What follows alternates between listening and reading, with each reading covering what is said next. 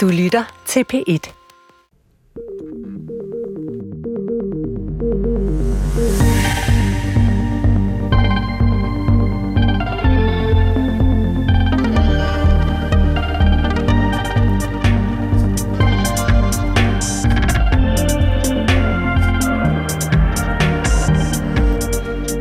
Værsgo, Martin Lidegaard, Radikale Venstre.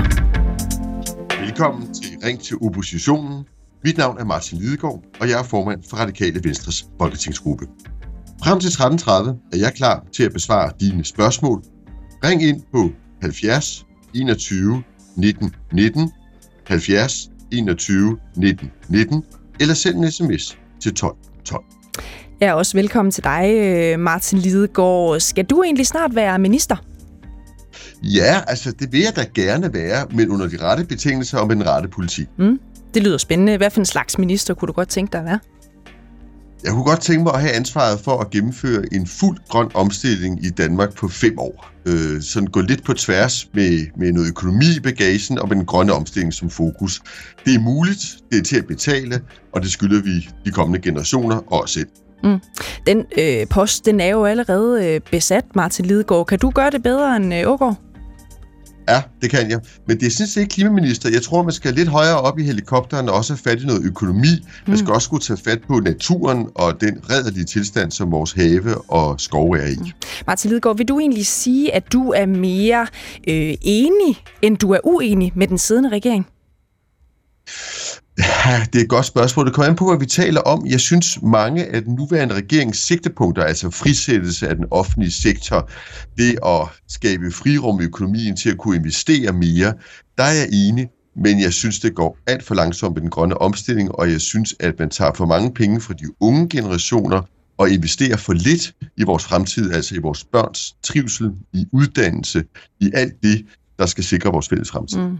Du har jo sagt øh, flere gange, øh, Martin Lidegaard, at du synes ikke fortryder, at du ikke gik øh, i regering, da det var øh, øh relevant tilbage i december måned. Du mener ikke, at du kunne have fået mere radikal politik igennem ved at gå i regering. Hvis du nu sad i regeringen, hvad stod så allerhøjest på din dagsorden for nuværende?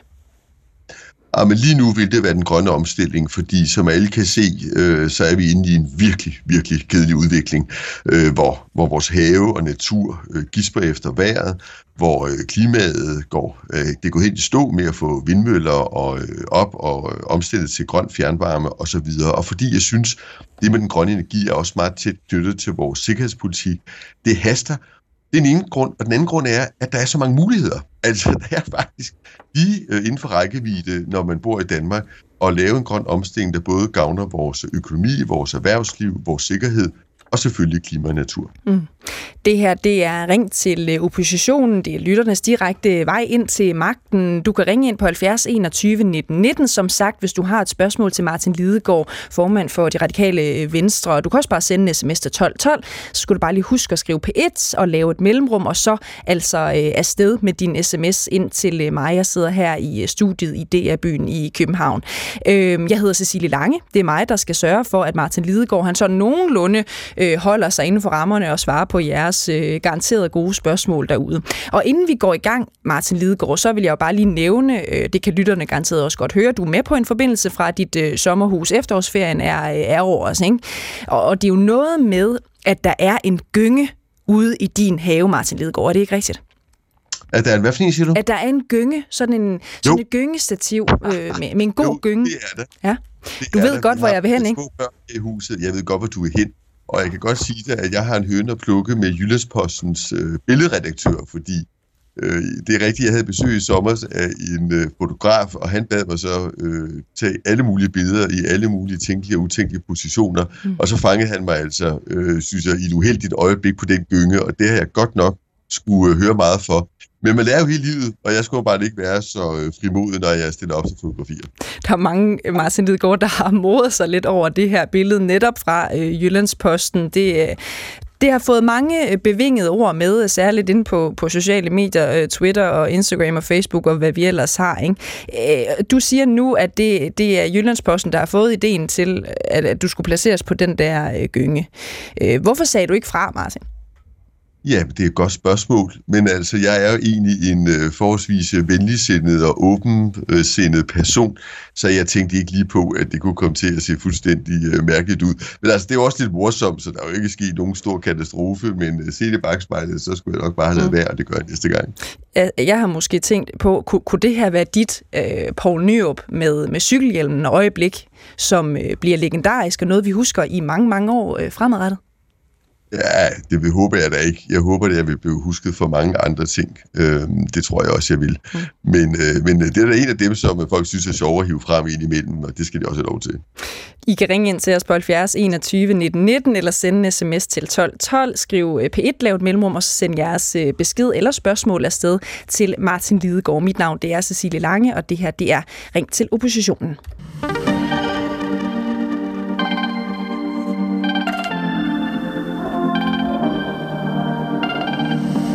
Martin Lidegaard, formand for øh, Radikale, tidligere udenrigsminister, er måske også værd at nævne, øh, når det kommer til det emne, som jeg tænker, at vi øh, lægger ud med i dagens program. Øh, Israel og Hamas er i krig. Flere end 1300 israeler er blevet dræbt siden den øh, palæstinensiske militante islamistiske bevægelse, terrororganisationen Hamas, for i lørdag altså indledte et stort øh, angreb i Gazastriben, der har gengældelsesangrebet hed til dræbt 2.700 palæstinenser palæstinenser, det oplyser Gazastribens øh, sundhedsministerium. Det nye er, Martin Lidegaard, øh, Israels FN-ambassadør, har udtalt, vi har ingen interesse i at besætte Gaza eller blive i Gaza, men siden vi kæmper for vores overlevelse, og den eneste vej, som præsidenten selv har sagt, er at udslette Hamas, så er vi nødt til at gøre, hvad der er nødvendigt for at udslette deres kapaciteter.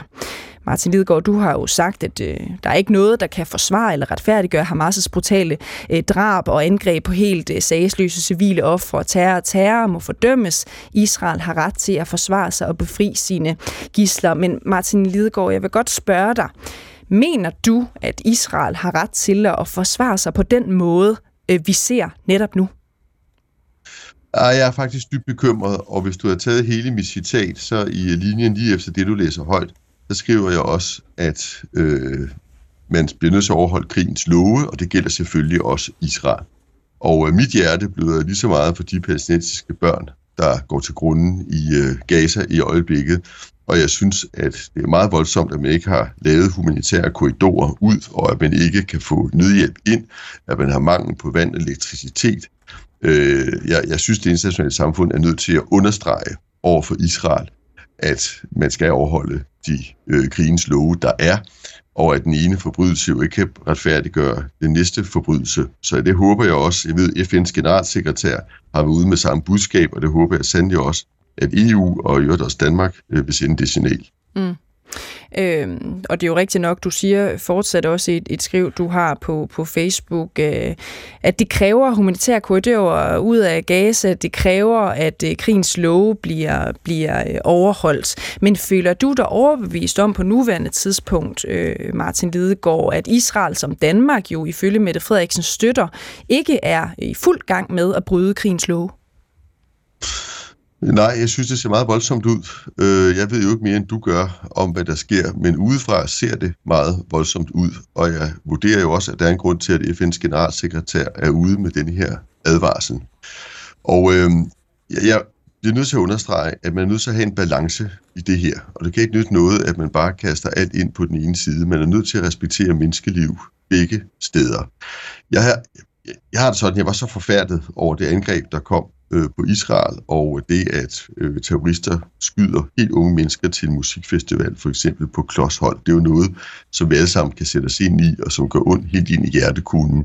Men det gør jo selvfølgelig også, når man bomber, øh, og der er så mange børneoffre, som der er inde i Gaza i øjeblikket.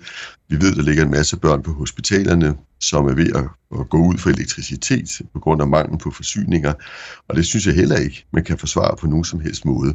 Og det er jo så ulykkeligt, at vi har havnet her, og jeg tror, at det er enormt vigtigt, at det internationale samfund holder en balance i det her, at man hele tiden øh, både reagerer overfor, når der sker forbrydelser for den ene og for den anden part.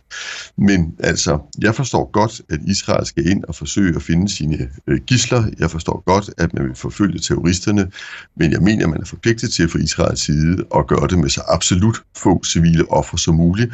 Og jeg synes ikke, at det, der sker lige nu, virker som om, at man tager de hensyn. Nej. Øh, siger du også, øh, Martin Lidegaard, at Israel øh, begår krigsforbrydelser lige nu? Det tager jeg slet ikke til så stort ord i min mund, jeg, fordi jeg er ikke til stede, jeg ved ikke, jeg har kun de samme øh, billeder at forholde mig til som dig, men jeg synes, det ser meget voldsomt ud. Ja, fordi vi hører jo om bombardementer af hospitaler, skoler, Israel har lukket for øh, strømmen, øh, du er inde på det nu selv, ikke? Hospitalerne i Gaza forventes at løbe tør for øh, brændstof og strøm om 24 timer, sådan lød meldingen fra FN, lige omkring klokken øh, halv et øh, i nat, altså dansk tid. Så jeg kan heller ikke lade være med at tænke på, øh, med Mette Frederiksens meget klare udmeldinger om støtte til Israel. Støtter Danmark så også Israels øh, krigsforbrydelser, hvis det er det, de er? Det må du spørge Mette Frederiksen om, men jeg synes, at det vil klæde øh, Danmarks statsminister at komme ud øh, med en meget, meget klar melding øh, i forhold til, at Israel også har et ansvar for de civile liv, som der er i øh, Palæstina, og jeg håber også, EU øh, vil komme ud.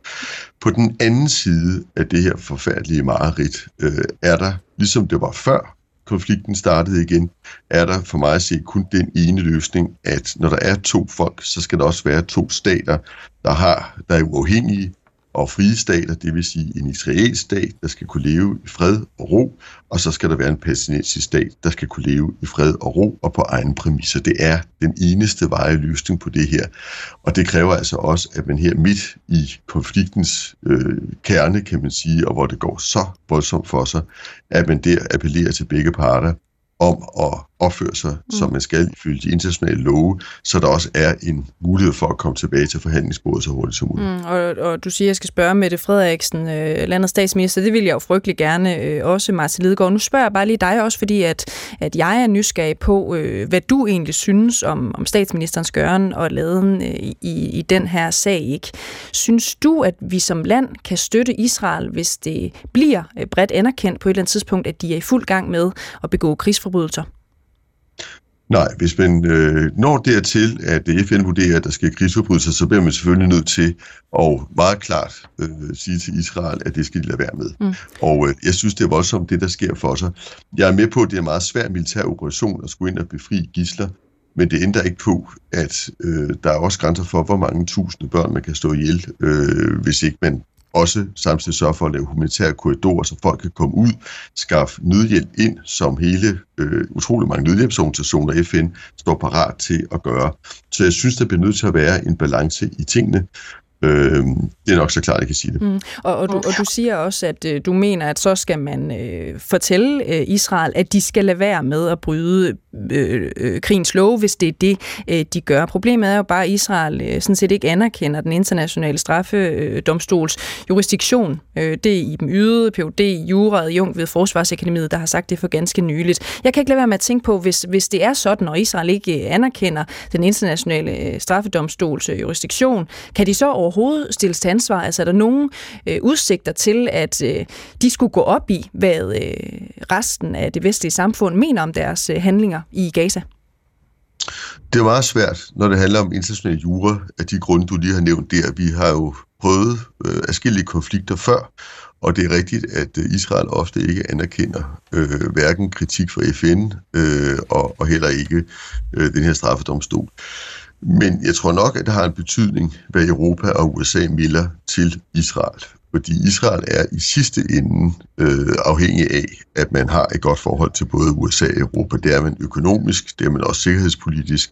Så selvfølgelig har det en betydning, hvad vi melder over for Israel, uanset øh, hvad der er jure og hvad der er juridiske muligheder for øh, at få et efterspil. Så har det en stor politisk betydning, det er jeg ikke i tvivl om.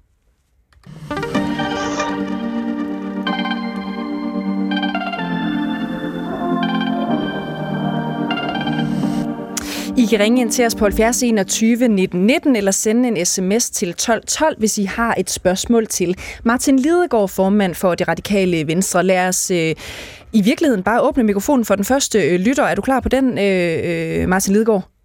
Selvfølgelig. Det kunne faktisk se ud som om, at det er øh, Lene, som sidder forholdsvis tæt på dig måske. Øh, Lene øh, Hartmann, som har ringet ind til os. Øh, velkommen til dig, Lene. Øh, tusind tak. Er det noget med, at du befinder dig på Sjællands Øde? Det er rigtigt. Jamen altså. Tæt på Vedhammeren, i, lige inde i starten af lige syd for Lugtø. Er det ikke noget med, at det er forholdsvis tæt på dit sommerhus, sådan som jeg husker det, Martin Lidegaard? Det er rigtigt. Mm. Hvad er dit spørgsmål, Lene, til øh, Radikales Martin Lidegaard? Jo, tak fordi jeg kan komme igennem. Øh, jeg arbejder øh, meget bæredygtigt. Jeg synes, at øh, fokus på landbruget er rigtigt, men øh, hvor er henne på øh, transporten i Danmark, som også alt udgør øh, CO2-belastningen, øh, CO2-emission. Man kunne gøre rigtig meget øh, ved en øh, bæredygtig omstilling af transporten, ved at styrke øh, den øh, kollektive transport, ved ikke at bygge store anlægsprojekter, som meget høj grad er CO2 ved du hvad, Lene? Øh, du går simpelthen så skidt i, igennem øh, på din forbindelse, men jeg tror, vi forstår de store øh, linjer. Du beder om øh, Martin Lidegaards øh, synspunkt på selvfølgelig den grønne omstilling. Hvad kunne man gøre i forhold til øh, kollektiv offentlig øh, transport i en tid, hvor der også er rigtig meget fokus på landbruget osv.? Spørgsmålet er jo lidt, hvor man skal sætte ind, og, og hvornår Martin Lidegaard. Du forstår øh, hensigten, øh, er jeg næsten overbevist om. Hvad er dit svar til øh, Lene Hartmann? Ja, så vidt jeg kunne høre, så fokuserer Lene på transportsektoren i sit spørgsmål. Og øh, som sagt øh, går vi jo ind for at lave en fuld grøn omstilling i løbet af fem år. Og det betyder selvfølgelig, at vi, når det kommer til personbiler, gerne vil sætte et stop for salg af nye diesel- og personbiler inden for ganske få år. Øh, allerede nu er det 40 procent af alle solgte biler i år, som er elbiler. Så det øh, skal vi fortsætte at, at gå i den retning, og det gælder sådan set også den tunge transport, hvor lastbilerne også begynder at komme over på el. Så vil vi gerne lægge en flyafgift på øh, fly, sådan at det bliver mere attraktivt at øh, udvikle grønne øh, brændstoffer, som de kan flyve på, og endelig peger du selv på den kollektive transport. Og der bliver vi simpelthen nødt til at investere flere penge i den kollektive transport. Jeg er så ked af, at Danmark nærmest har udviklet sig til et uland, hvad angår kollektiv transport, og nu stiger priserne igen med 10 procent per nytår, og vi burde jo gøre det modsatte, øh, få flere tog, flere busser på, i landdistrikterne og til en billigere penge. Så det er noget, vi arbejder med, og som du også vil se et udspil på fra vores side i løbet af et par måneder. Mm. Og, og Martin Lidegaard, det, det er jo noget, vi har snakket øh, en, en del om. Det ser ud til, at øh, prisen på en billet øh, med DSB eller den kollektive transport generelt kommer til at stige. Øh, hvad, hvad, hvad er din umiddelbare øh, reaktion på det? Hvad hvad er det, man ikke forstår, når øh, det er det her, der er øh, værktøjet? Jamen, det er jo en ond cirkel, fordi at øh, jo højere priser, jo færre passagerer, og så skal man have endnu mere støtte, og så får man så højere priser igen. Så man skal have brudt den onde cirkel, og det skal man jo gøre ved at lave en kollektiv transport, der har et øh, serviceniveau og en regularitet, som vi kan være bekendt, og så bliver man nødt til at holde priserne i ro, så de er konkurrencedygtige med øh, de øh, biler, som kører på vejene. Det, det er jo den eneste vej frem. Men det koster nogle penge, og de penge har vi ikke været klar til at betale i Danmark i, øh, i mange år. Og jeg synes, vi er nødt til at komme tilbage til, at man har øh, topforbindelser mellem de store byer i Danmark, også de store provinsbyer med tog, og at man så tænker vores kollektiv transport i øh, yderområderne forfra med mere fleksible øh, bus- og delebusser, som øh, rigtig mange allerede snakker om. Det lyder til, at øh, Birgitte, øh, undskyld, Lene ikke var den eneste, som, øh, som går op i lige præcis det her spørgsmål. Vi, vi byder bare velkommen til den næste lytter, Martin Lidegaard. Det er Kevin, der har ringet ind til os. Velkommen til dig, Kevin. Ja, tak. Du har også et spørgsmål til Martin Lidegaard. Jamen, det passer jo meget godt med det forrige spørgsmål, fordi det er, at øh, øh nu øh, ser vi jo, at her fra øh, 1. januar, der kommer der øh, igen afgiftsstigninger på øh, øh, biler. Øh, og, det, og nu har man jo valgt, at man gerne vil øh, satse på elbiler og siger, at det er grønt. Hvorfor er det så, at man ikke øh, øh, bare går ind og siger, ved hvad, så fjerner vi afgifter på elbiler, sådan at det er det, man køber øh, i stedet for at købe, øh, i, stedet for at købe øh, noget med fossile brændstoffer. Godt. Tusind tak for det meget konkrete øh, indspark, øh, Kevin. Martin Lidgaard, du, du ved godt, hvad det går ud på, ikke? Altså, hvordan kan det være, at Radikale ikke har gjort mere for at undgå de her afgiftsstigninger på, øh, på elbiler? Jamen, det er helt rigtigt. Altså, vi var en af arkitekterne bag, at vi overhovedet fik de afgiftsstillelser på elbiler. Det var en mange, mange år i kamp. Og øh, den pris, vi betalte, var så, at man på et eller andet tidspunkt skulle begynde at indfase noget afgift igen. Jeg er meget i tvivl om det er det rette tidspunkt, og det er jo noget, vi skal mødes med regeringen om at diskutere. Og hvis det skulle være muligt at lave en, øh, en udskydelse, så, så vil vi rigtig gerne det. Men man skal bare være klar over, at så skal man så lægge en noget højere afgift på nogle af de sorte biler. Det vil vi gerne, for at det er udgiftsneutralt. Øh, men det er der så nogle af de andre partier, der er mere betænkelige ved. Men vi, vi mener sådan set, at vi skal tage skridtet fuldt ud og satse på, på 100% elbiler inden for ganske få år. Ja, fordi hvad skulle den øh, negative konsekvens øh, være ved at afskaffe de der øh, øh, afgifter på, på elbiler? Det, det er vel vejen frem, eller hvad? Jo, altså hvis man vil, altså dem der er imod, øh, de synes jo, at man skal have lov til at købe de sorte biler stadigvæk øh, i længere tid. Øh, men vi har den holdning, at det tager jo sådan cirka 15 år fra man køber en bil, til den er brugt op.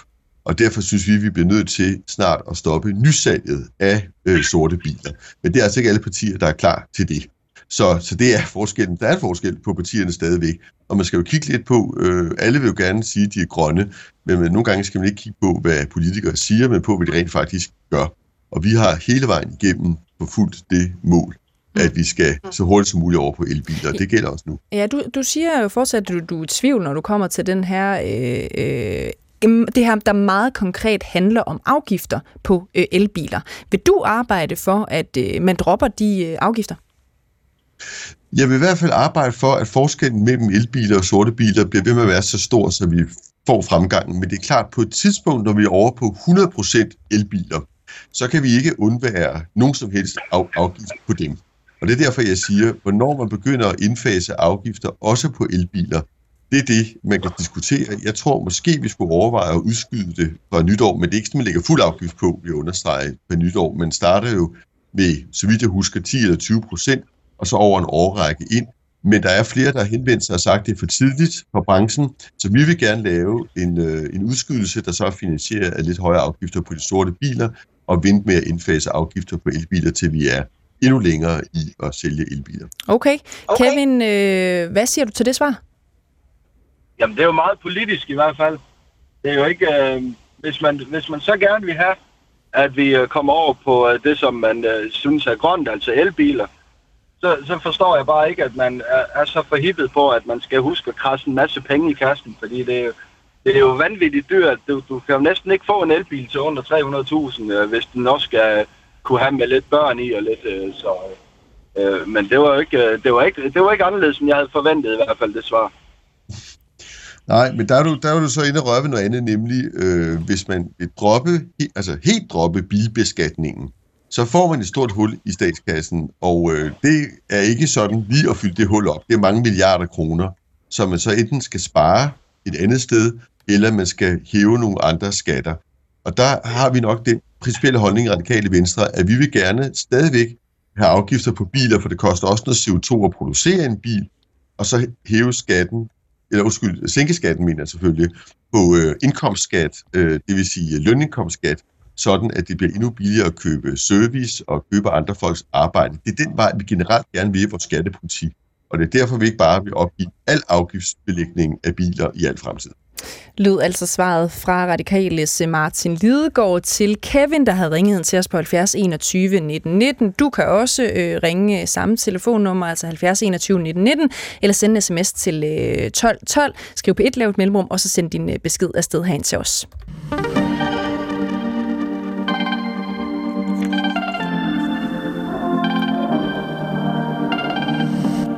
Her. vi har fået en øh, sms her ind i øh, studiet, Martin Lidegaard. Den kommer fra øh, Helle. Hun skriver, Hej Martin, vil de radikale fuldt stoppe gylde gift landbruget, som efter de sande tal og uanset tiltag er største ødelægger af klima, biodiversitet og grundvandet i Danmark og på kloden, og i stedet omlægge til fuld ægte grønt jordbrug, det vil sige uden gylde og gift. Med venlig hilsen, Helle fra Nordsjælland. Jeg tror ikke, at så love, at vi nedlægger hele det nuværende landbrug øh, og, og, og undværer alt gylde, men der er ingen tvivl om i mit sind, at vi skal igennem en markant omlægning af det danske landbrug. Og de to bevægelser, der skal ske, også i ganske stort omfang, det er dels, at vi skal tage animalsk produktion ud at skrue op for det plantebaserede, og jeg tror, det er det, som, som Helle ikke mindst spørger til her. Mm. Det synes vi også, vi er nødt til. Det andet, der skal ske, er, at vi, øh, der er en række jorder, der skal tages ud til natur, til af klimahensyn og til ekstensiv drift, altså hvor man ikke øh, sprøjter eller, eller kultiverer. Mm. Og øh, Marcel Lidegaard, du har også lige været ude og, og bemærke, fordi det var jo faktisk noget, øh, statsministeren berørte i sin øh, åbningstale her i forbindelse med Folketingets åbning. Det er jo ikke så forfærdeligt længe, at I er, I er kommet tilbage på arbejde, sådan officielt, øh, øh, de gode politikere inde på, på Christiansborg, Martin Lidegaard. Og jeg kunne forstå, at du måske var lidt skuffet over, at øh, Mette Frederiksen på den måde, som hun øh, gjorde, stillede det som et øh, dilemma til Sara Monopolet, altså hvad vi lige skulle gøre mere konkret med den grønne omstilling. Hvorfor øh, synes du, at det var sådan lidt øh, måske at tage for let på det? Jamen det er fordi, jeg synes, der er blevet snakket og snakket og snakket om den grønne omstilling. Og hvis vi nu tager landbruget, så meldte regeringen for et par dage siden, at nu vil man så indkalde landbruget til nogle nye drøftelser i maj måned næste år.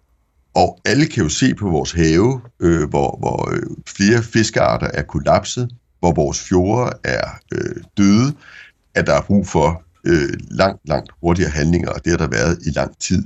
Så jeg synes ikke, at der er grund til at hverken ringe til Sara Monopolet eller herind, eller nogen steder. Vi ved udmærket, hvad der skal til, og det første, der skal til, er, at vi får en CO2-afgift på landbruget. Det vil også hjælpe i forhold til at begrænse kvælstoffet, som er den store udfordring i forhold til vores have. Det er ligesom med vedvarende energi.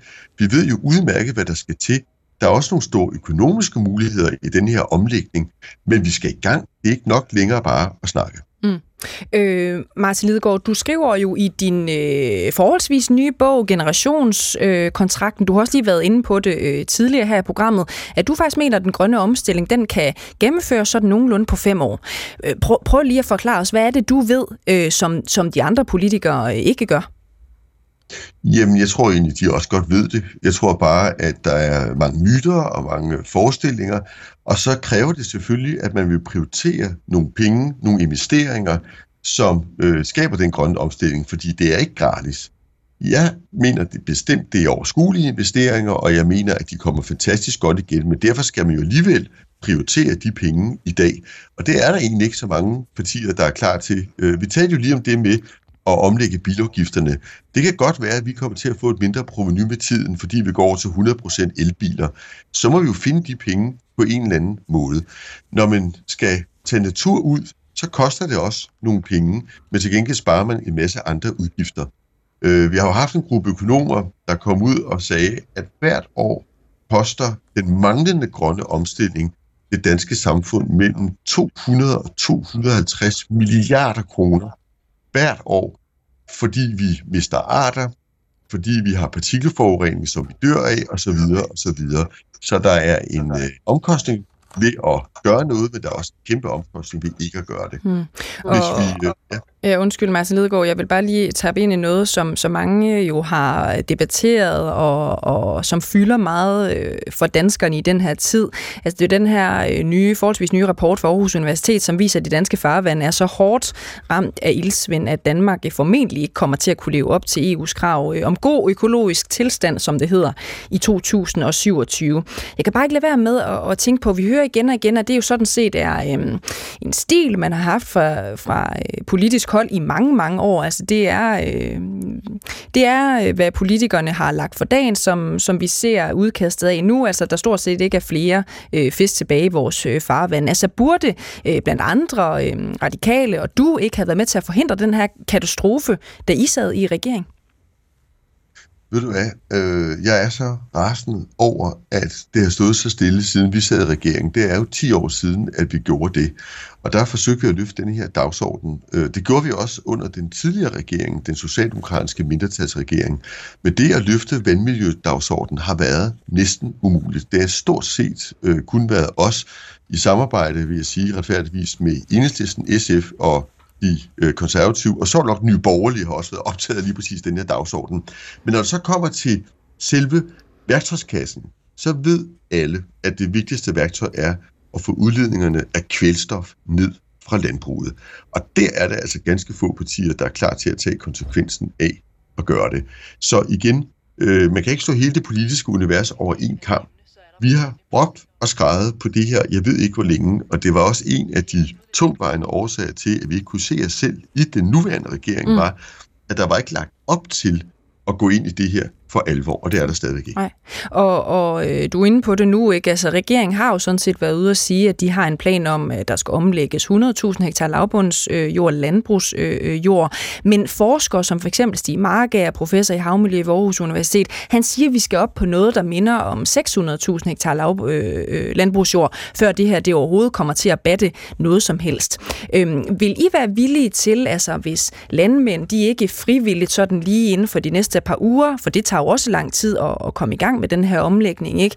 Øh, hvis de ikke vil det, skal man så tvinge de relevante landmænd til at stoppe med at dyrke og smide gylde på deres jord?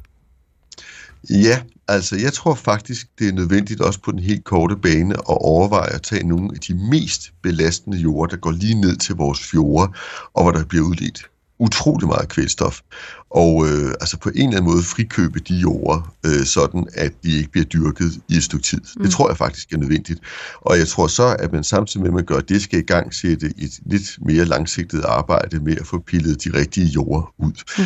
Øh, det har kæmpe omkostninger, det her, for vores natur. Det har det jo også for vores fiskeri. Og øh, vi ved det godt, og vi har vidst det i mange år, at øh, vi er nødt til det her.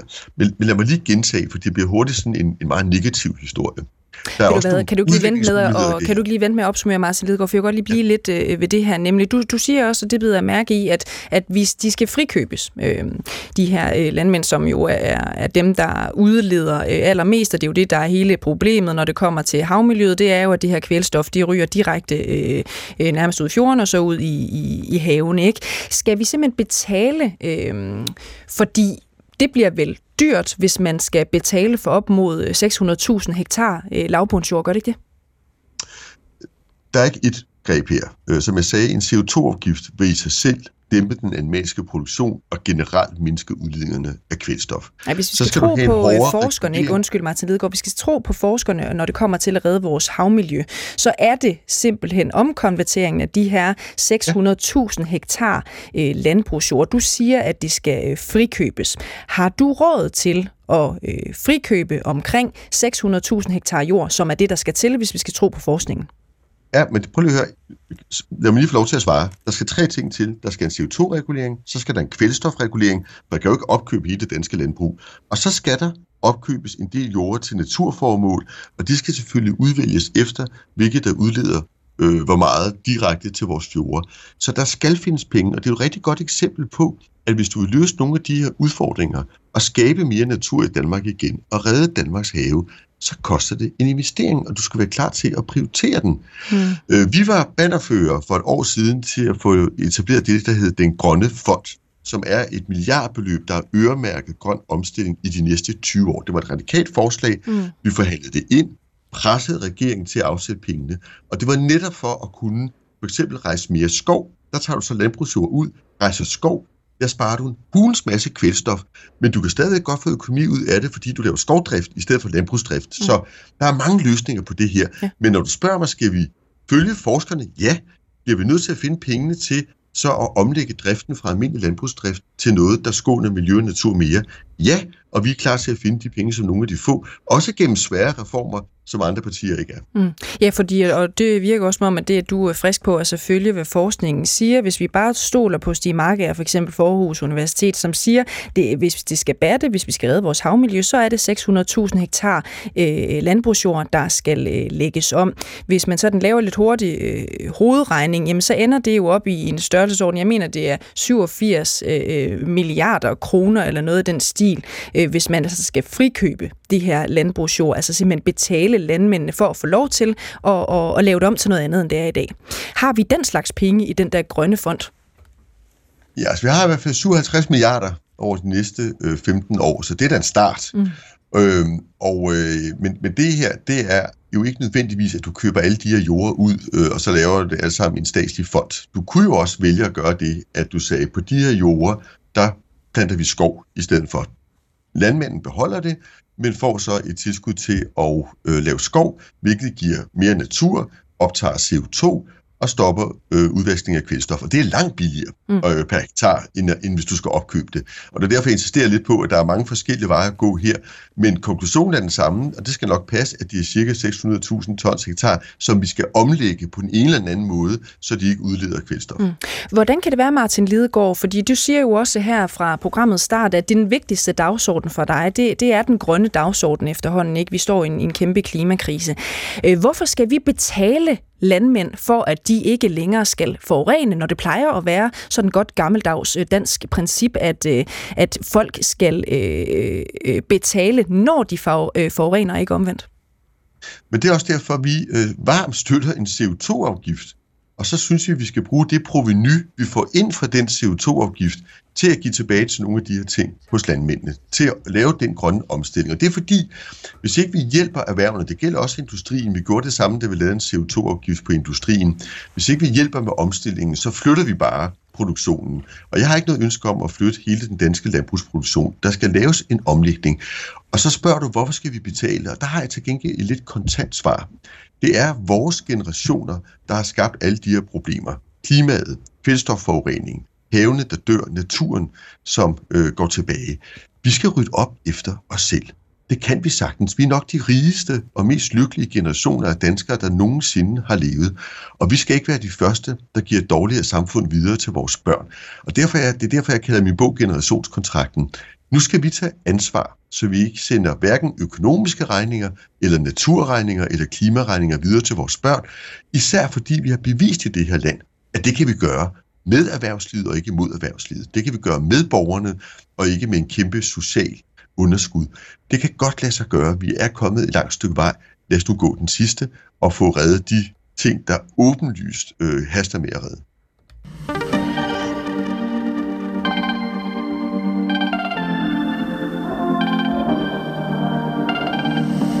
Og Martin Lidegaard, nu har Marianne ringet ind på 70 21 19 19. Velkommen til dig, Marianne Olsen.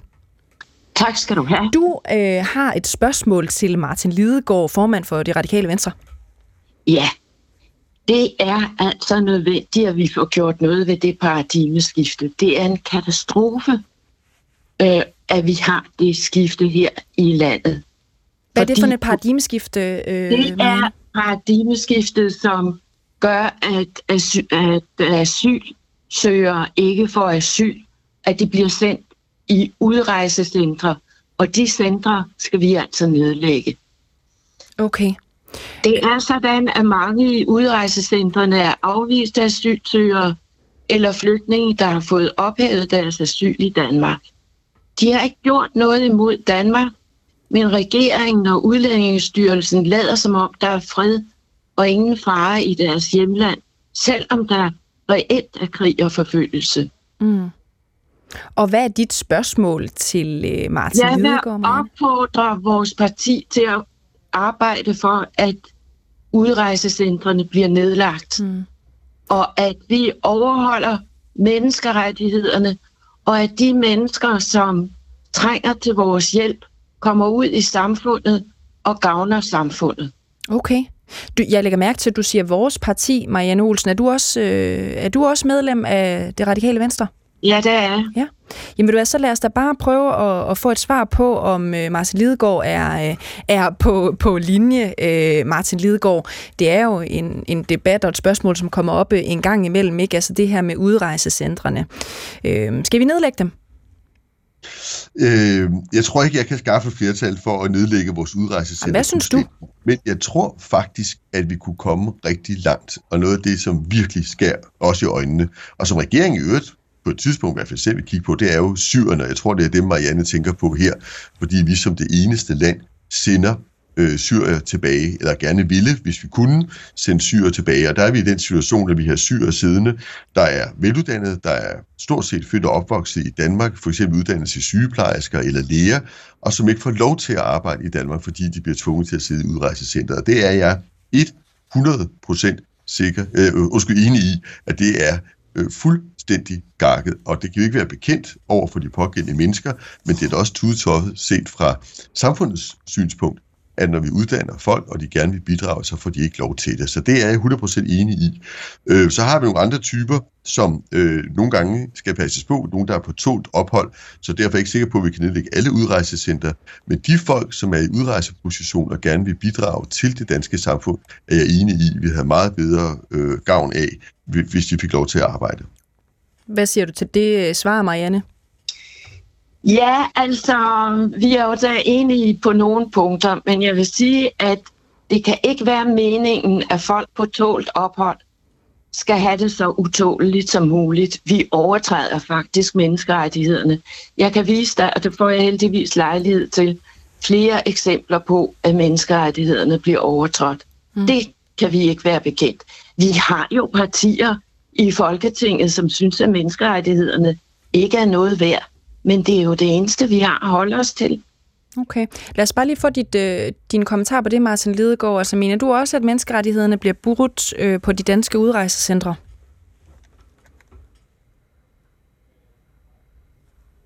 Martin Lidegaard, nu skal jeg lige høre, om du kan øh, høre mig.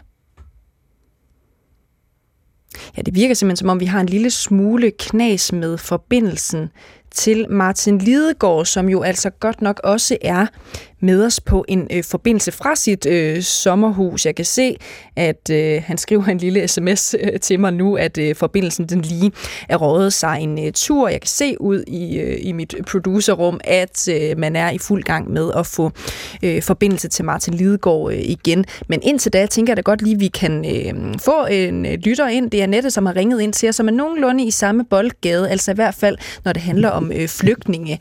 Øh, velkommen til dig, Annette. Annette, kan du høre mig? Ja, ja, okay, undskyld, jeg var ikke sikker på, om det var mig, der er jo flere, der hedder Annette. Ja, der er faktisk en del, der hedder Annette, det har du da ret i, så det skal du slet ikke undskylde for. Annette, ja, okay. nu siger jeg bare lige øh, til dig, vi arbejder jo lige på at få Martin Lidegaard på øh, øh, igen, men kan du ikke bare lige stille dit spørgsmål, så skal jeg nok øh, opsummere, når øh, Martin Lidegaard kommer på øh, en forbindelse igen. Ja, altså det, det øh, tenderer jo lidt til den forrige lytter spørgsmål med ja. hensyn til øh, udrejsecenter og flygtning. Fordi, øh, hvad hedder det, øh, Sofie Carsten øh, Nielsen blev enig med Lars Løkke, inden at der blev dannet ny øh, trepartsregering, om at de tisler, der var blevet sået under Lars Løkke, i samarbejde med Inger Støjberg, skulle øh, ryddes op i og luges ud og gøres ved, og der, det virker ikke som om, der er sket noget, fordi der sker åbenbart stadigvæk mærkelige, uhyrlige ting i forhold til øh, flytning. Mm. Ja. Ja, ved du hvad, jeg synes det er godt indspark. Øh, øh, Annette, tusind tak, fordi du ringede ind, og lad mig bare lige prøve at stille det videre, altså spørgsmålet eller øh, pointen videre til dig, øh, Martin Lidegaard, for det var noget med, Sofie Karsten, hun sidder jo ikke længere i spidsen for partiet, det går du til gengæld, men er du enig i den tanke, øh, der handlede om, at man skulle rydde op i noget øh, af det der med tislerne i udlændingepolitikken, og hvad har I egentlig gjort øh, for at ja, luge lidt i tislerne?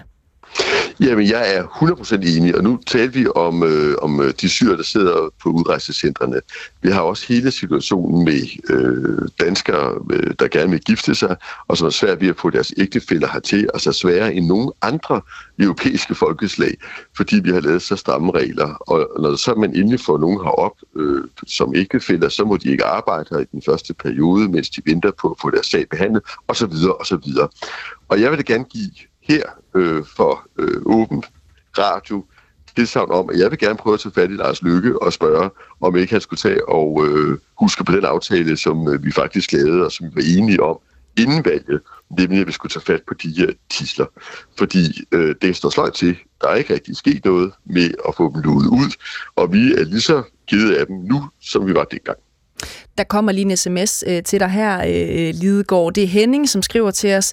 Øh, hej øh, Lidegaard, hvis flygtning- og indvandrerpolitikken de sidste 25 år var blevet, som I radikale, øh, radikale gerne ville have haft den, så havde vi nok været i samme kaotiske situation som i Sverige.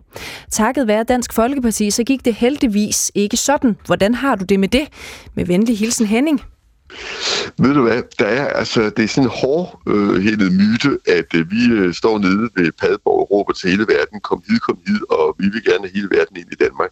Vi har sådan set igennem meget lang tid været med til at føre en fast udlændingepolitik.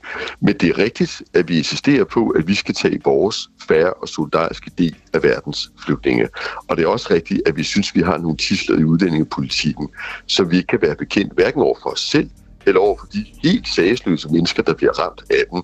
Både dem, der er flygtninge, og dem, som bor i Danmark, som almindelige danske statsborgere, bare øh, tillader sig at blive forelsket i øh, nogen fra et andet land. Og de tister vil vi gerne have ud, men, men vi er ikke ude på at liberalisere hele flygtningelovgivningen, og det er mange år siden, jeg har været det. Godt, sådan lød spørgsmålet altså øh, på 12-12'eren. Det var Henning, som har skrevet ind til os, og det har du også mulighed for, hvis du sidder og brænder ind med et spørgsmål til Martin Lidegaard, formand for det radikale Venstre. Du kan også ringe ind til os på 70 21 19 19, men nu skal du lige have en radiovis først, og så er jeg tilbage med mere Ring til oppositionen med Martin Lidegaard på den anden side af en radiovis. Den får du her, hvor klokken den er Statsretten.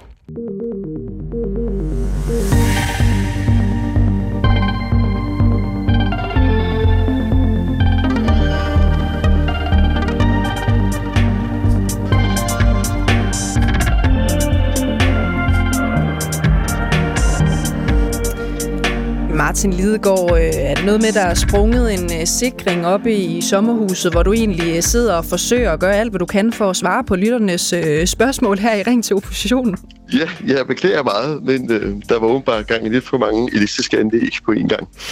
Hvad er det, hvad er det I har gang i øh, deroppe her i anledning af efterårsferien? Er det, er det den helt store øh, frokost, der, øh, der ja, øh, tager på kræfterne, det eller hvad det, det, er noget, det er noget så kedeligt som opvaskemaskinen og vaffeljernet på en gang, men vaflen, dem glæder jeg mig til.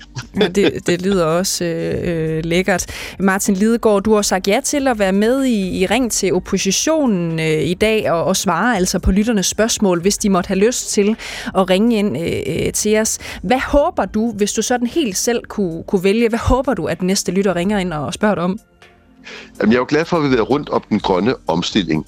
Og så er noget af det, jeg er virkelig optaget af, udover det, det er sådan set vores børns trivsel.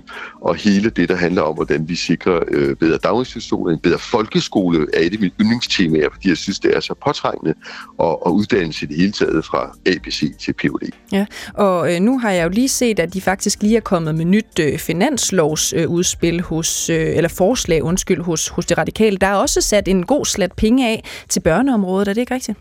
Det er nemlig rigtigt. Hvad vi foreslår en, ja, vi foreslår en øh, ekstra børnemilliard til kommunerne, fordi desværre er vi i den situation, at øh, det vi kalder specialområdet, altså børn, der har det dårligt, der mistrives, har diagnoser, de øh, fylder mere og mere derude, og betyder også, at der går flere og flere af folkeskolens ressourcer til de områder. Det skylder vi jo også de børn. Problemet er bare, at det betyder, at den almindelige folkeskole, der bliver næsten skåret øh, hvert år og det er der også blevet i år i rigtig mange kommuner. Og det går jo ikke, fordi så bliver den almindelige folkeskole dårligere, der er flere, der vælger den fra, den får sværere ved at øh, håndtere og inkludere øh, børn, som ikke på den måde mistrives, men måske bare har brug for en ekstra hånd i en periode. Og så får vi gang i en ond cirkel igen, og derfor vil vi gerne ud og øh, skaffe flere lærere, flere materialer, mulighed for lejerskoler og så videre i den helt almindelige folkeskole. Mm. Så så vi kan bedre den. Og det, du det er siger, det vigtigste øh, institution, vi ja. har. Ja. De fylder mere og mere, de øh, diagnosebørn. Gør de nu også det, eller er der bare flere, der får en diagnose? Altså, der er to udfordringer. Det ene er øh, egentlige diagnoser, altså psykiatriske lidelser, og det er der øh, flere, der får, og der er jo mange, der mener, at øh, dem har de sådan set altid haft, det er bare først nu, vi opdager dem. Og det kan vel være, men derfor skal de jo alligevel hjælpes. Det andet er så, kan man sige, mistrivsel, som ikke er en egentlig diagnose, men vores børn bare ikke har det særlig godt. Og øh, der er altså en kraftig stigning i det, og det er nyt. Øh, lige før sommeren hørte vi, at øh, næsten halvdelen af alle piger i 9. klasse øh, går og, og har det skidt med det ene og det andet. Det er et nyt fænomen, og det er jo ikke fordi, vi skal, sådan, skal, skal tale det op, fordi jeg har en indtryk af, at øh, de fleste børn i den unge generation har det godt omvendt kan vi heller ikke ignorere, når de her tal kommer tilbage igen og igen, og vi bliver nødt til at spørge os selv, hvad pokker det skyldes. Mm. Det her, det er ring til oppositionen. Det er lytternes direkte vej til magten. Ring ind til os på 70 21 19 19, eller send en sms til 12 12. Skriv på et, lavt mellemrum, og så øh, afsted med din øh, besked. Det koster en lille krone, så vidt jeg øh, husker. Det er Martin Lidegaard, som er, er min øh, gæst i dag. Jeg hedder Cecilie Lange. Det er mig, der skal sørge for, at han sådan nogenlunde forsøger at svare på, øh, på øh, spørgsmålene spørgsmålene. Martin Lidegaard, skal vi ikke bare byde velkommen til øh, den, øh, den første lytter her i sidste del af Ring til oppositionen? Jo, tak. Det er Begitte, der har ringet ind til os. Velkommen til dig, Begitte. Mange tak. Hvad er dit spørgsmål til Martin Lidegaard? Altså, egentlig vil jeg gerne øh, snakke om atomkraft. Øh, men må jeg ikke lige øh, sige nogle ting først? Jo. Øh, jeg synes, i hele den der debat om kvælstofudledning, der mangler Martin Lidegaard forholde sig til, at byerne udleder millioner og atter millioner af ura- øh, liter urenset spildevand. Og man kan jo se, når man kigger på kortet, at omkring de store byer, der er det største problem med ildsvind. Øh, Skær Nå øh, afvander en femtedel af hele Danmarks landbrugsareal. Skær Nå løber ud i Ringkøbing Fjord. Der er ingen problemer med ildsvind. Godt. Øhm, øh... Det minder mig lidt om, når jeg synes, jeg kan huske Ida Augen, som på det tidspunkt var partifælde med Martin Lidegaard, hun sagde, at Ringkøbing Skjern Kommune sætter hele den grønne omstilling over styr. Jeg synes, at det er så ensidigt, øh, når man alene, når, når man ikke forholder sig til øh, de øh, forureningsproblemer, som de store byer mm. skaber. Godt. Og, det er meget, og jeg tænker faktisk også på dig, øh, journalist. øh, du lægger det op, som om det er landbruget, der alene udgør problemet. Er det nu også det? Ja, altså, og så, og så øh, hvis jeg må... være opmærksom på, ja. at øh, økologisk landbrug udleder dobbelt så meget CO2 som konventionelt landbrug. Ja. Hvis jeg må altså, bidrage med lidt øh, kontekst, Begitte, på, din, ja. på dit gode indspark, øh, ja. jamen så, så siger forskerne jo, at øh, når det drejer sig mere konkret om vores havmiljø, så er øh, det stort set udelukkende øh, landbruget, som står for, for udledning af den kvælstof. Øh, vi ser, det er simpelthen det, som gør, at vi stort set ikke har fisk tilbage i vores øh, indre fjorde og, og tæt Jamen, på kysterne. Tror, Men på, du har jo ret i, Begitte, Øh, du har jo ret i, at der er et øh, problem med spildevand, øh, og, og, øh, og det er så et lille problem i den større kontekst, når det kommer til ildsvind, men man kan jo sagtens mene, at øh, det alligevel skal tages hånd om Martin Lidegaard, altså at der er, øh, der bliver lukket spildevand øh, ud om måske også noget mere, end hvad du som radikal øh, kunne, øh, kunne være tilfreds med. Hvor står du henne på den problemstilling, øh, Martin Lidegaard? Jamen, det er en helt relevant problemstilling. Altså, som jeg lige husker tallene, øh, men det vil nu ikke hænges op på, så, så er det 70-80 procent af de samlede kvælstofudledninger, der kommer fra landbruget. Men det betyder jo altså også, at 20-30 procent kommer fra især de store byer, hvor man får overløb, når mm. der er skybrud for eksempel, og så udleder man spildevand direkte.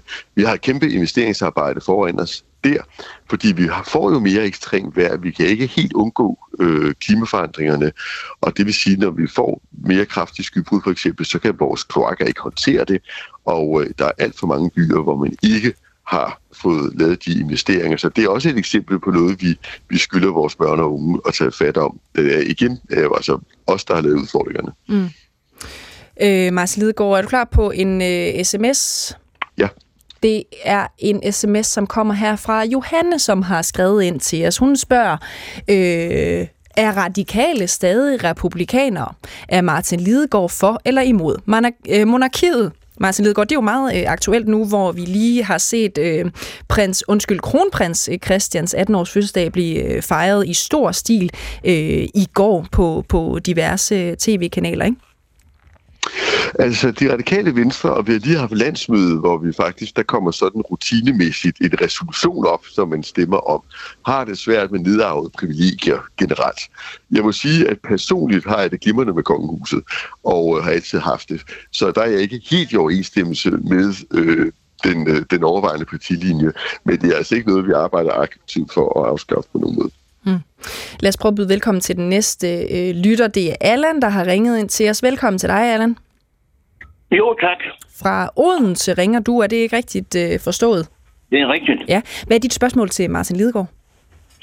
Det er hvorfor, at, øh, at, at blandt andet de radikale, samt mange andre partier i Folketinget, undtagen to, de forhindrer øh, to små danske firmaer i at, at forske i, øh, i kernkraft. Det vil sige altså, det, i minireaktorer, som jeg efter har læst til, de øh, vil kunne sættes i masseproduktion fra 2028. Ja, hvorfor, hvorfor, hvorfor I vil forhindre det? I stedet for, at vi skal have alle de vindmøller og alle de der solcelleranlæg, som både ødelægger natur og fugle og det hele. Mm. Ved du hvad, Martin Lidegaard, det er jo et meget konkret spørgsmål, ikke? Hvorfor øh, skal vi ikke øh, gå kernekraft, A-kraft øh, vejen her i Danmark? Jamen, vi vil bestemt ikke forbyde at forske i A-kraft, og har heller ikke på nogen måde forhindret de påkendte selskaber i at gøre det. Men de teknologier, vi har til rådighed i dag, og det kan man spørge det internationale energiagentur og, og, og alle, tror jeg, øh, energieksperter om. Altså med den teknologi, vi har i dag, der er øh, vedvarende energi i Danmark cirka øh, dobbelt så hurtigt at bygge, og mhm. er så dyrt som A-kraft. Og det er jo derfor, et stort set samlet folketing har besluttet at bygge nu 9 gigawatt havvind inden 2030, og så er vi fuldt forsynet, men så skal vi til at forsyne resten af Europa. Men det er altså havvind, vi snakker om her. Og det skyldes simpelthen, at det er det billigste i dag. Men det skal ikke øh, hente andre lande i at gå af kraftvejen, og heller ikke danske virksomheder i at forske i det. Det mener vi også er ok. Hvad du siger du til det, Allan? I må jo ikke forske her i Danmark. Det, det læste jo, det læste jo her, her på nettet der i dag, at de må ikke forske her i Danmark, mm. for politikere vil ikke, vil ikke høre om det.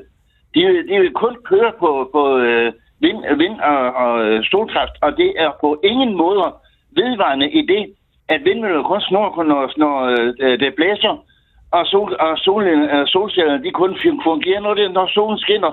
Hvor, hvor, hvor skal den resterende strøm så komme fra? Hva? Mm. Og de ødelægger simpelthen naturen med, med, med, med både vindmøller og med, øh, og med øh, øh, solceller. Og ikke, ikke nok med det. De fælder skov for at udvinde det til, til flis og til, øh, og til øh, øh, biobrændsel og til, øh, til øh, piller og alt det der.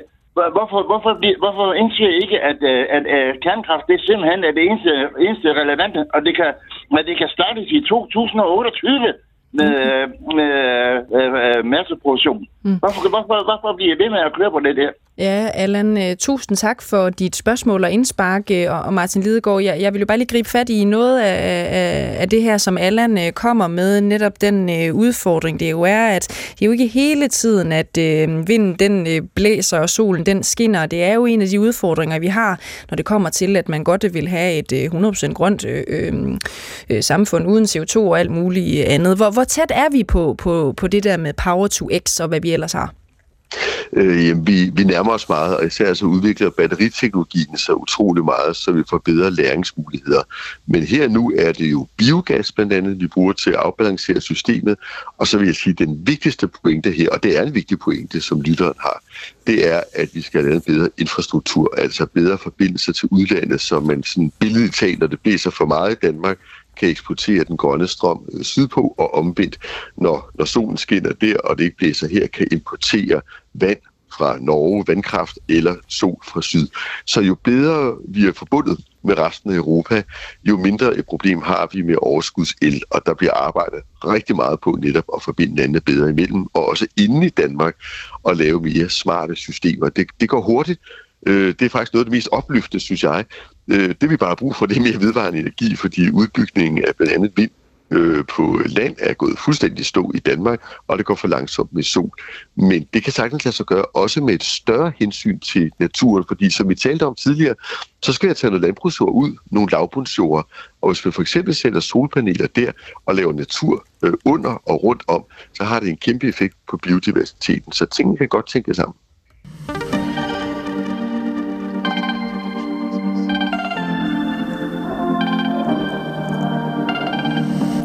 Vi har fået en sms ind på øh, 12. 12'eren Martin Lidegaard. Det er Hanne, som skriver ind til os. Hanne Christensen, hun øh, spørger ind til aktiv dødshjælp. Hun skriver, hvordan stiller de radikale sig til aktiv dødshjælp? Vil I fritstille jeres medlemmer? Spørgsmålstegn. Altså det øh, vil jeg sige er et meget aktuelt spørgsmål, fordi vi havde den allerførste drøftelse øh, i vores folketingsgruppe her lige før efterårsferien. Og der var øh, flere forskellige holdninger, kan jeg godt røbe. Mm. Og derfor tror jeg også, at hvis det kommer dertil, men det forventer jeg nu ikke, det gør på den korte bane, men altså sådan som jeg forstår statsministerens udtalelser. Men, men øh, hvis det her på et tidspunkt noget, der kommer af folketingssalen, så er det i hvert fald min personlige holdning, at så vil jeg ikke presse en bestemt partilinje ned over øh, mine gruppemedlemmer. Jeg synes faktisk, at det er så essentielt et spørgsmål, at der skal folk have lov til at stemme efter deres overbevisning. Men jeg tror altså ikke, det er noget, der ligger lige foran os. Mm. I kan ringe ind til os på 70 21 1919, hvis I har et spørgsmål til Martin Lidegaard. I kan også bare sende en sms til øh, 12 12. Øh, Martin, nu kan jeg godt tænke mig lige at vende øh, din nye bog, som du har skrevet. Generationskontrakten udkom for øh, cirka en måned siden. Øh, tillykke med det først og fremmest. Ja. Øh, I bogen, der beskriver du jo et truende sammenbrud af velfærdssamfundet, som potentielt kan føre til, at, at din generation risikerer at øh, overlevere overlevere et dårligere samfund og et dårligere liv til jeres børn og børnebørn, som de første i øvrigt nogensinde, skriver du altså. Øhm, nu skal jeg bare lige være helt øh, med, øh, Martin Lidegaard. Forstår jeg det ret, hvis jeg siger, at du også mener, at der har været for meget læflen for den ældre vælgergruppe, og det måske er gået ud over den yngre og den kommende generation? Ja, altså jeg vil i hvert fald sige, at når jeg kigger på de to årtier, hvor jeg har på en eller anden måde har beskæftiget sig mig, mig med dansk politik, så har der været en, en overvejende tilbøjelighed til, at øh, når vi kigger på, hvad vi egentlig har brugt vores velfærdskroner på, og vi er jo blevet meget rigere i den periode, så vi har fået nye penge mellem hænderne, så har vi brugt en meget, meget stor del af de penge på øh, de ældre. Og det er der nogle gode grunde til, fordi vi, der er jo blevet flere ældre, og de lever længere, og de har brug for flere sundhedsydelser.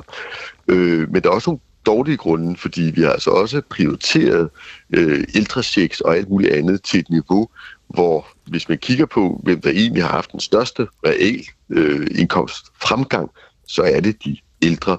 Og hvor er det, vi sparer relativt mest ude i kommunerne, så i øjeblikket, der er der ingen tvivl om, at daginstitutioner og folkeskoler øh, står hårdt for. Så jeg synes, der er et, øh, et skævt, kan man sige, øh, generationsbalance i Danmark i øjeblikket.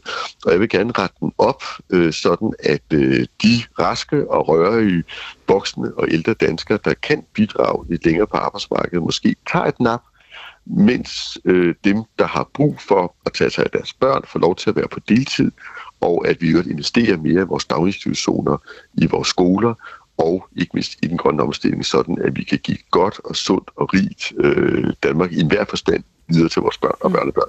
Også dem, der er der lige nu, de børn og unge, der er her lige nu. Ja, det er jo en spændende øh, tanke, Martin Lidegaard, det der med, at man måske har haft øh, for ensidigt fokus på den ældre generation. Ikke? Men jeg kunne godt tænke mig at, at spørge dig, hvad, hvad er det så konkret for ting, at de ældre øh, ikke skulle have haft? Nu nævner du selv øh, checks i et væk, men, men det, tænker, det ikke kan gøre det alene. Ikke? Altså, hvad er det for ting, som den ældre generation ikke skulle have haft, så der var lidt mere til den yngre? Altså, jeg synes selv, at noget af det, der skriger mest til himlen, det er, at vi har indført ikke mindre end fem forskellige tilbagetrækningsordninger, før man når folkepensionsalderen. Og jeg er helt med på, at hvis man er nedslidt, skal man have mulighed fra at gå fra, og jeg har selv, øh, Radikale Venstre, har selv været med til at lave det, der hedder seniorpensionen, som netop giver alle nedslidte mulighed for det med en høj værdig ydelse, op til seks år før folkepensionsalderen. Den går jeg ind for at forsvare i at Regeringen vil jo skære den væk, men jeg forsvarer den ordning. Til gengæld forstår jeg ikke øh, efterlønnen, jeg forstår ikke Arne, jeg forstår ikke øh, revalideringsydelser, alt det, så, hvor man ligesom bare skal have været nogle år på arbejdsmarkedet, især efterløn og Arne pension, øh, og hvor man ikke tager hensyn til, om folk så rent faktisk er nedslidte eller ej, eller kunne lave noget andet, end de gør i dag. Og det er det, jeg helst vil rydde op i, for det synes jeg er det, der gør mindst ondt, at man siger, folk, der er nedslidte, dem hjælper vi.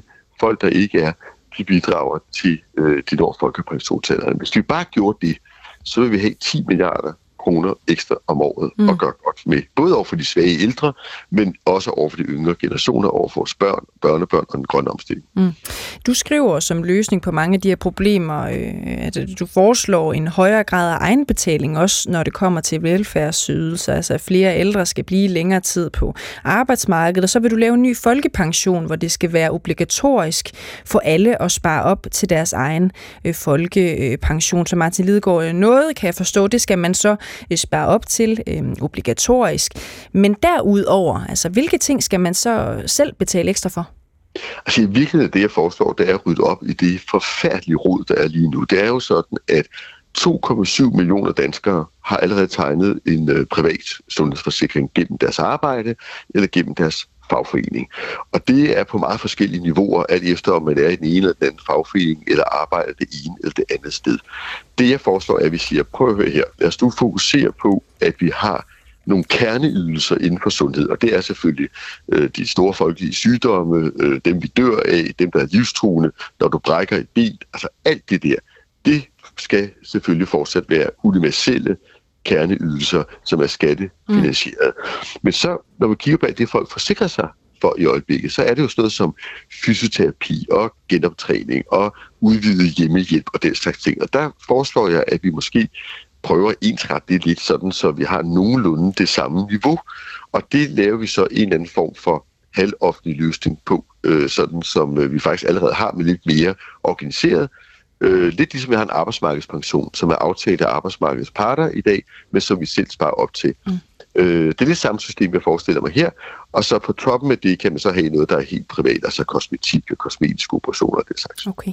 Og, og, og med den uh, idé, Martin Lidegaard, kan du så 100% afvise, at det vil være sådan, at hvis man er rig i Danmark, så kan man få en uh, bedre uh, alderdom, end hvis man er fattig?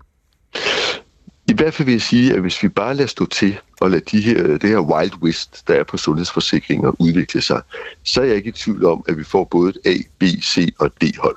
Øh, D-hold er dem, der stikker råd til at finansiere sig i dag. Øh, og så vil alle de andre fordele sig alt efter, hvor meget de tjener i dag, hvilken fagforening de er heldige at være medlem af. Og det synes jeg ikke ligner det Danmark, øh, jeg kender. Jeg vil altså hellere få lidt mere struktur på det. Og øh, så er det rigtigt, at jeg også foreslår en øh, ny og bedre folkepension, men øh, det du glemte at sige bare, at jeg foreslår, at vi alle sammen får mulighed for at spare op, og så selv bestemme, hvornår vi går på folkepension. Men alle skal altså have den folkepension, og så øh, i stedet for det kunne os, der selv har sparet op til en arbejdsmarkedspension, der bestemmer, hvornår vi kan gå på folkepension, så skal alle have mulighed for det.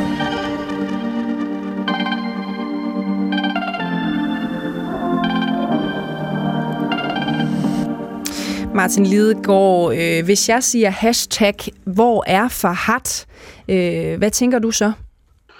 Så tænker jeg, at det er et øh, meget trist og relevant spørgsmål, fordi at det er der jo ingen, der ved.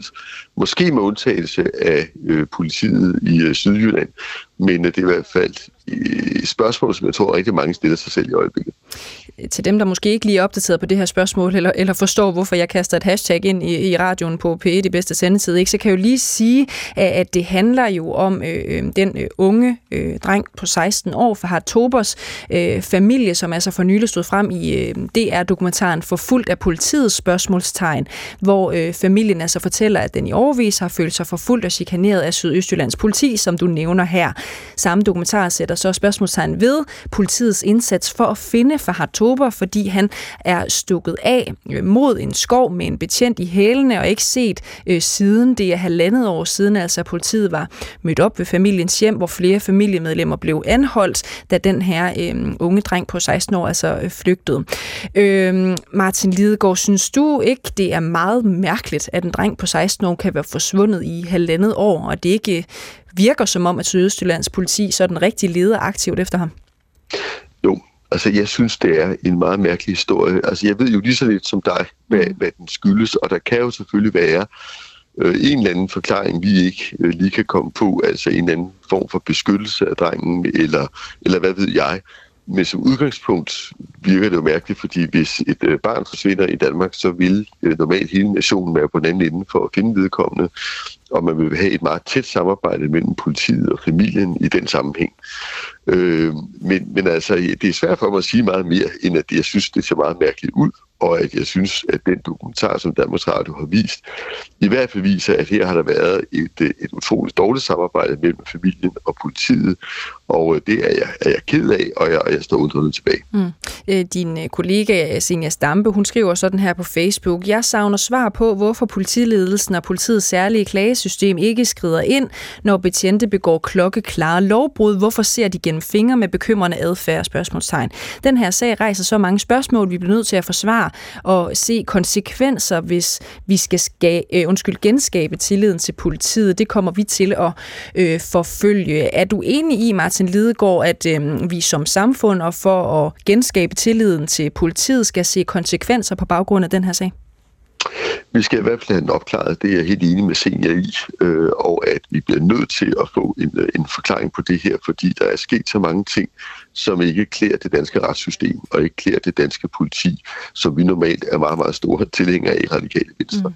Og øh, jeg tror, vi alle sammen har det sådan, at det at, have, at kunne have tillid til sit politi, det er så vigtig en del i et samfund, og der er vi så heldig normalt i Danmark, at det kan vi faktisk have. I andre lande ser vi mange flere sager, og derfor er vi også nødt til at reagere, når der så kommer en sag, der unægteligt ser ud som om, at der er blevet begået lovbrud, og der er sket forkerte ting, så bliver vi også nødt til at få nok klar. Vi har fået en besked ind fra Anne Svensen, som øh, spørger, hvordan er Martin Lidegaards holdning til dubbens uafhængighed, når det er pensioneret politibetjente, der sidder der. Der kan sige, duppen, der mener hun formentlig den uafhængige politiklagemyndighed. Det kan man i daglig tale i visse kredse finde på at kalde øh, Duben. Det er altså dem, der sidder og holder øje med og, og behandler sager, hvor der er kritik øh, eller klager over politiet.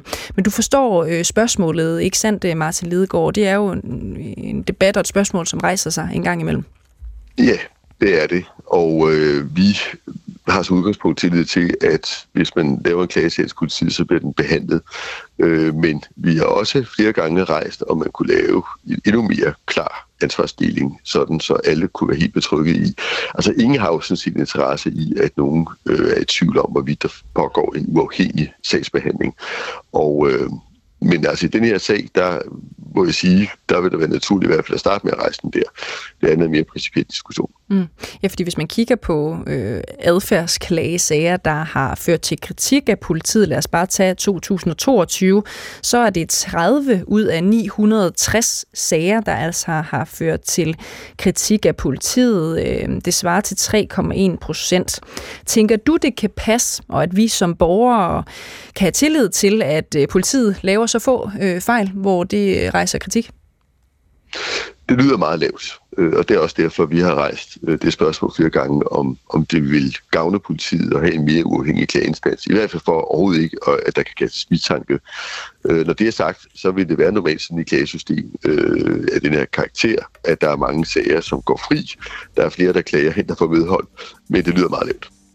Hvad, hvad kan man gøre altså for, at øh, den uafhængige politiklagemyndighed bliver mindre øh, afhængig? Jamen, det vil jo være, at man udpeger nogle personer, øh, for eksempel dommer eller pensionerede dommer, eller folk, som ikke har, har deres fortid i politiet. Martin Lidegaard, øh, det blev det sidste, vi nåede i den her udgave af Ring til oppositionen. Du skal have tusind tak for at stille op fra, fra sommerhuset. Altså, synes du ikke, det er gået fint? Jo, tak, og tak fordi jeg måtte være med. Jeg er altså virkelig ked af, at det var ja, brødsikringen, men det er den slags ting, der sker i sommerhus. Sådan er det, når efterårsferien er øh, over os. Jeg vil også sige tusind tak for alle øh, lyttere, der skrev og ringede ind øh, til os, og ønske jer en rigtig god efterårsferie, hvis I er kommet øh, så langt. Og så ellers bare sige, at P1 Debat Undskyld er tilbage igen i morgen. Tusind tak, fordi I lyttede med. Mit navn det er Cecilie Lange. Gå på opdagelse i alle DR's podcast og radioprogrammer. I appen DR Lyd.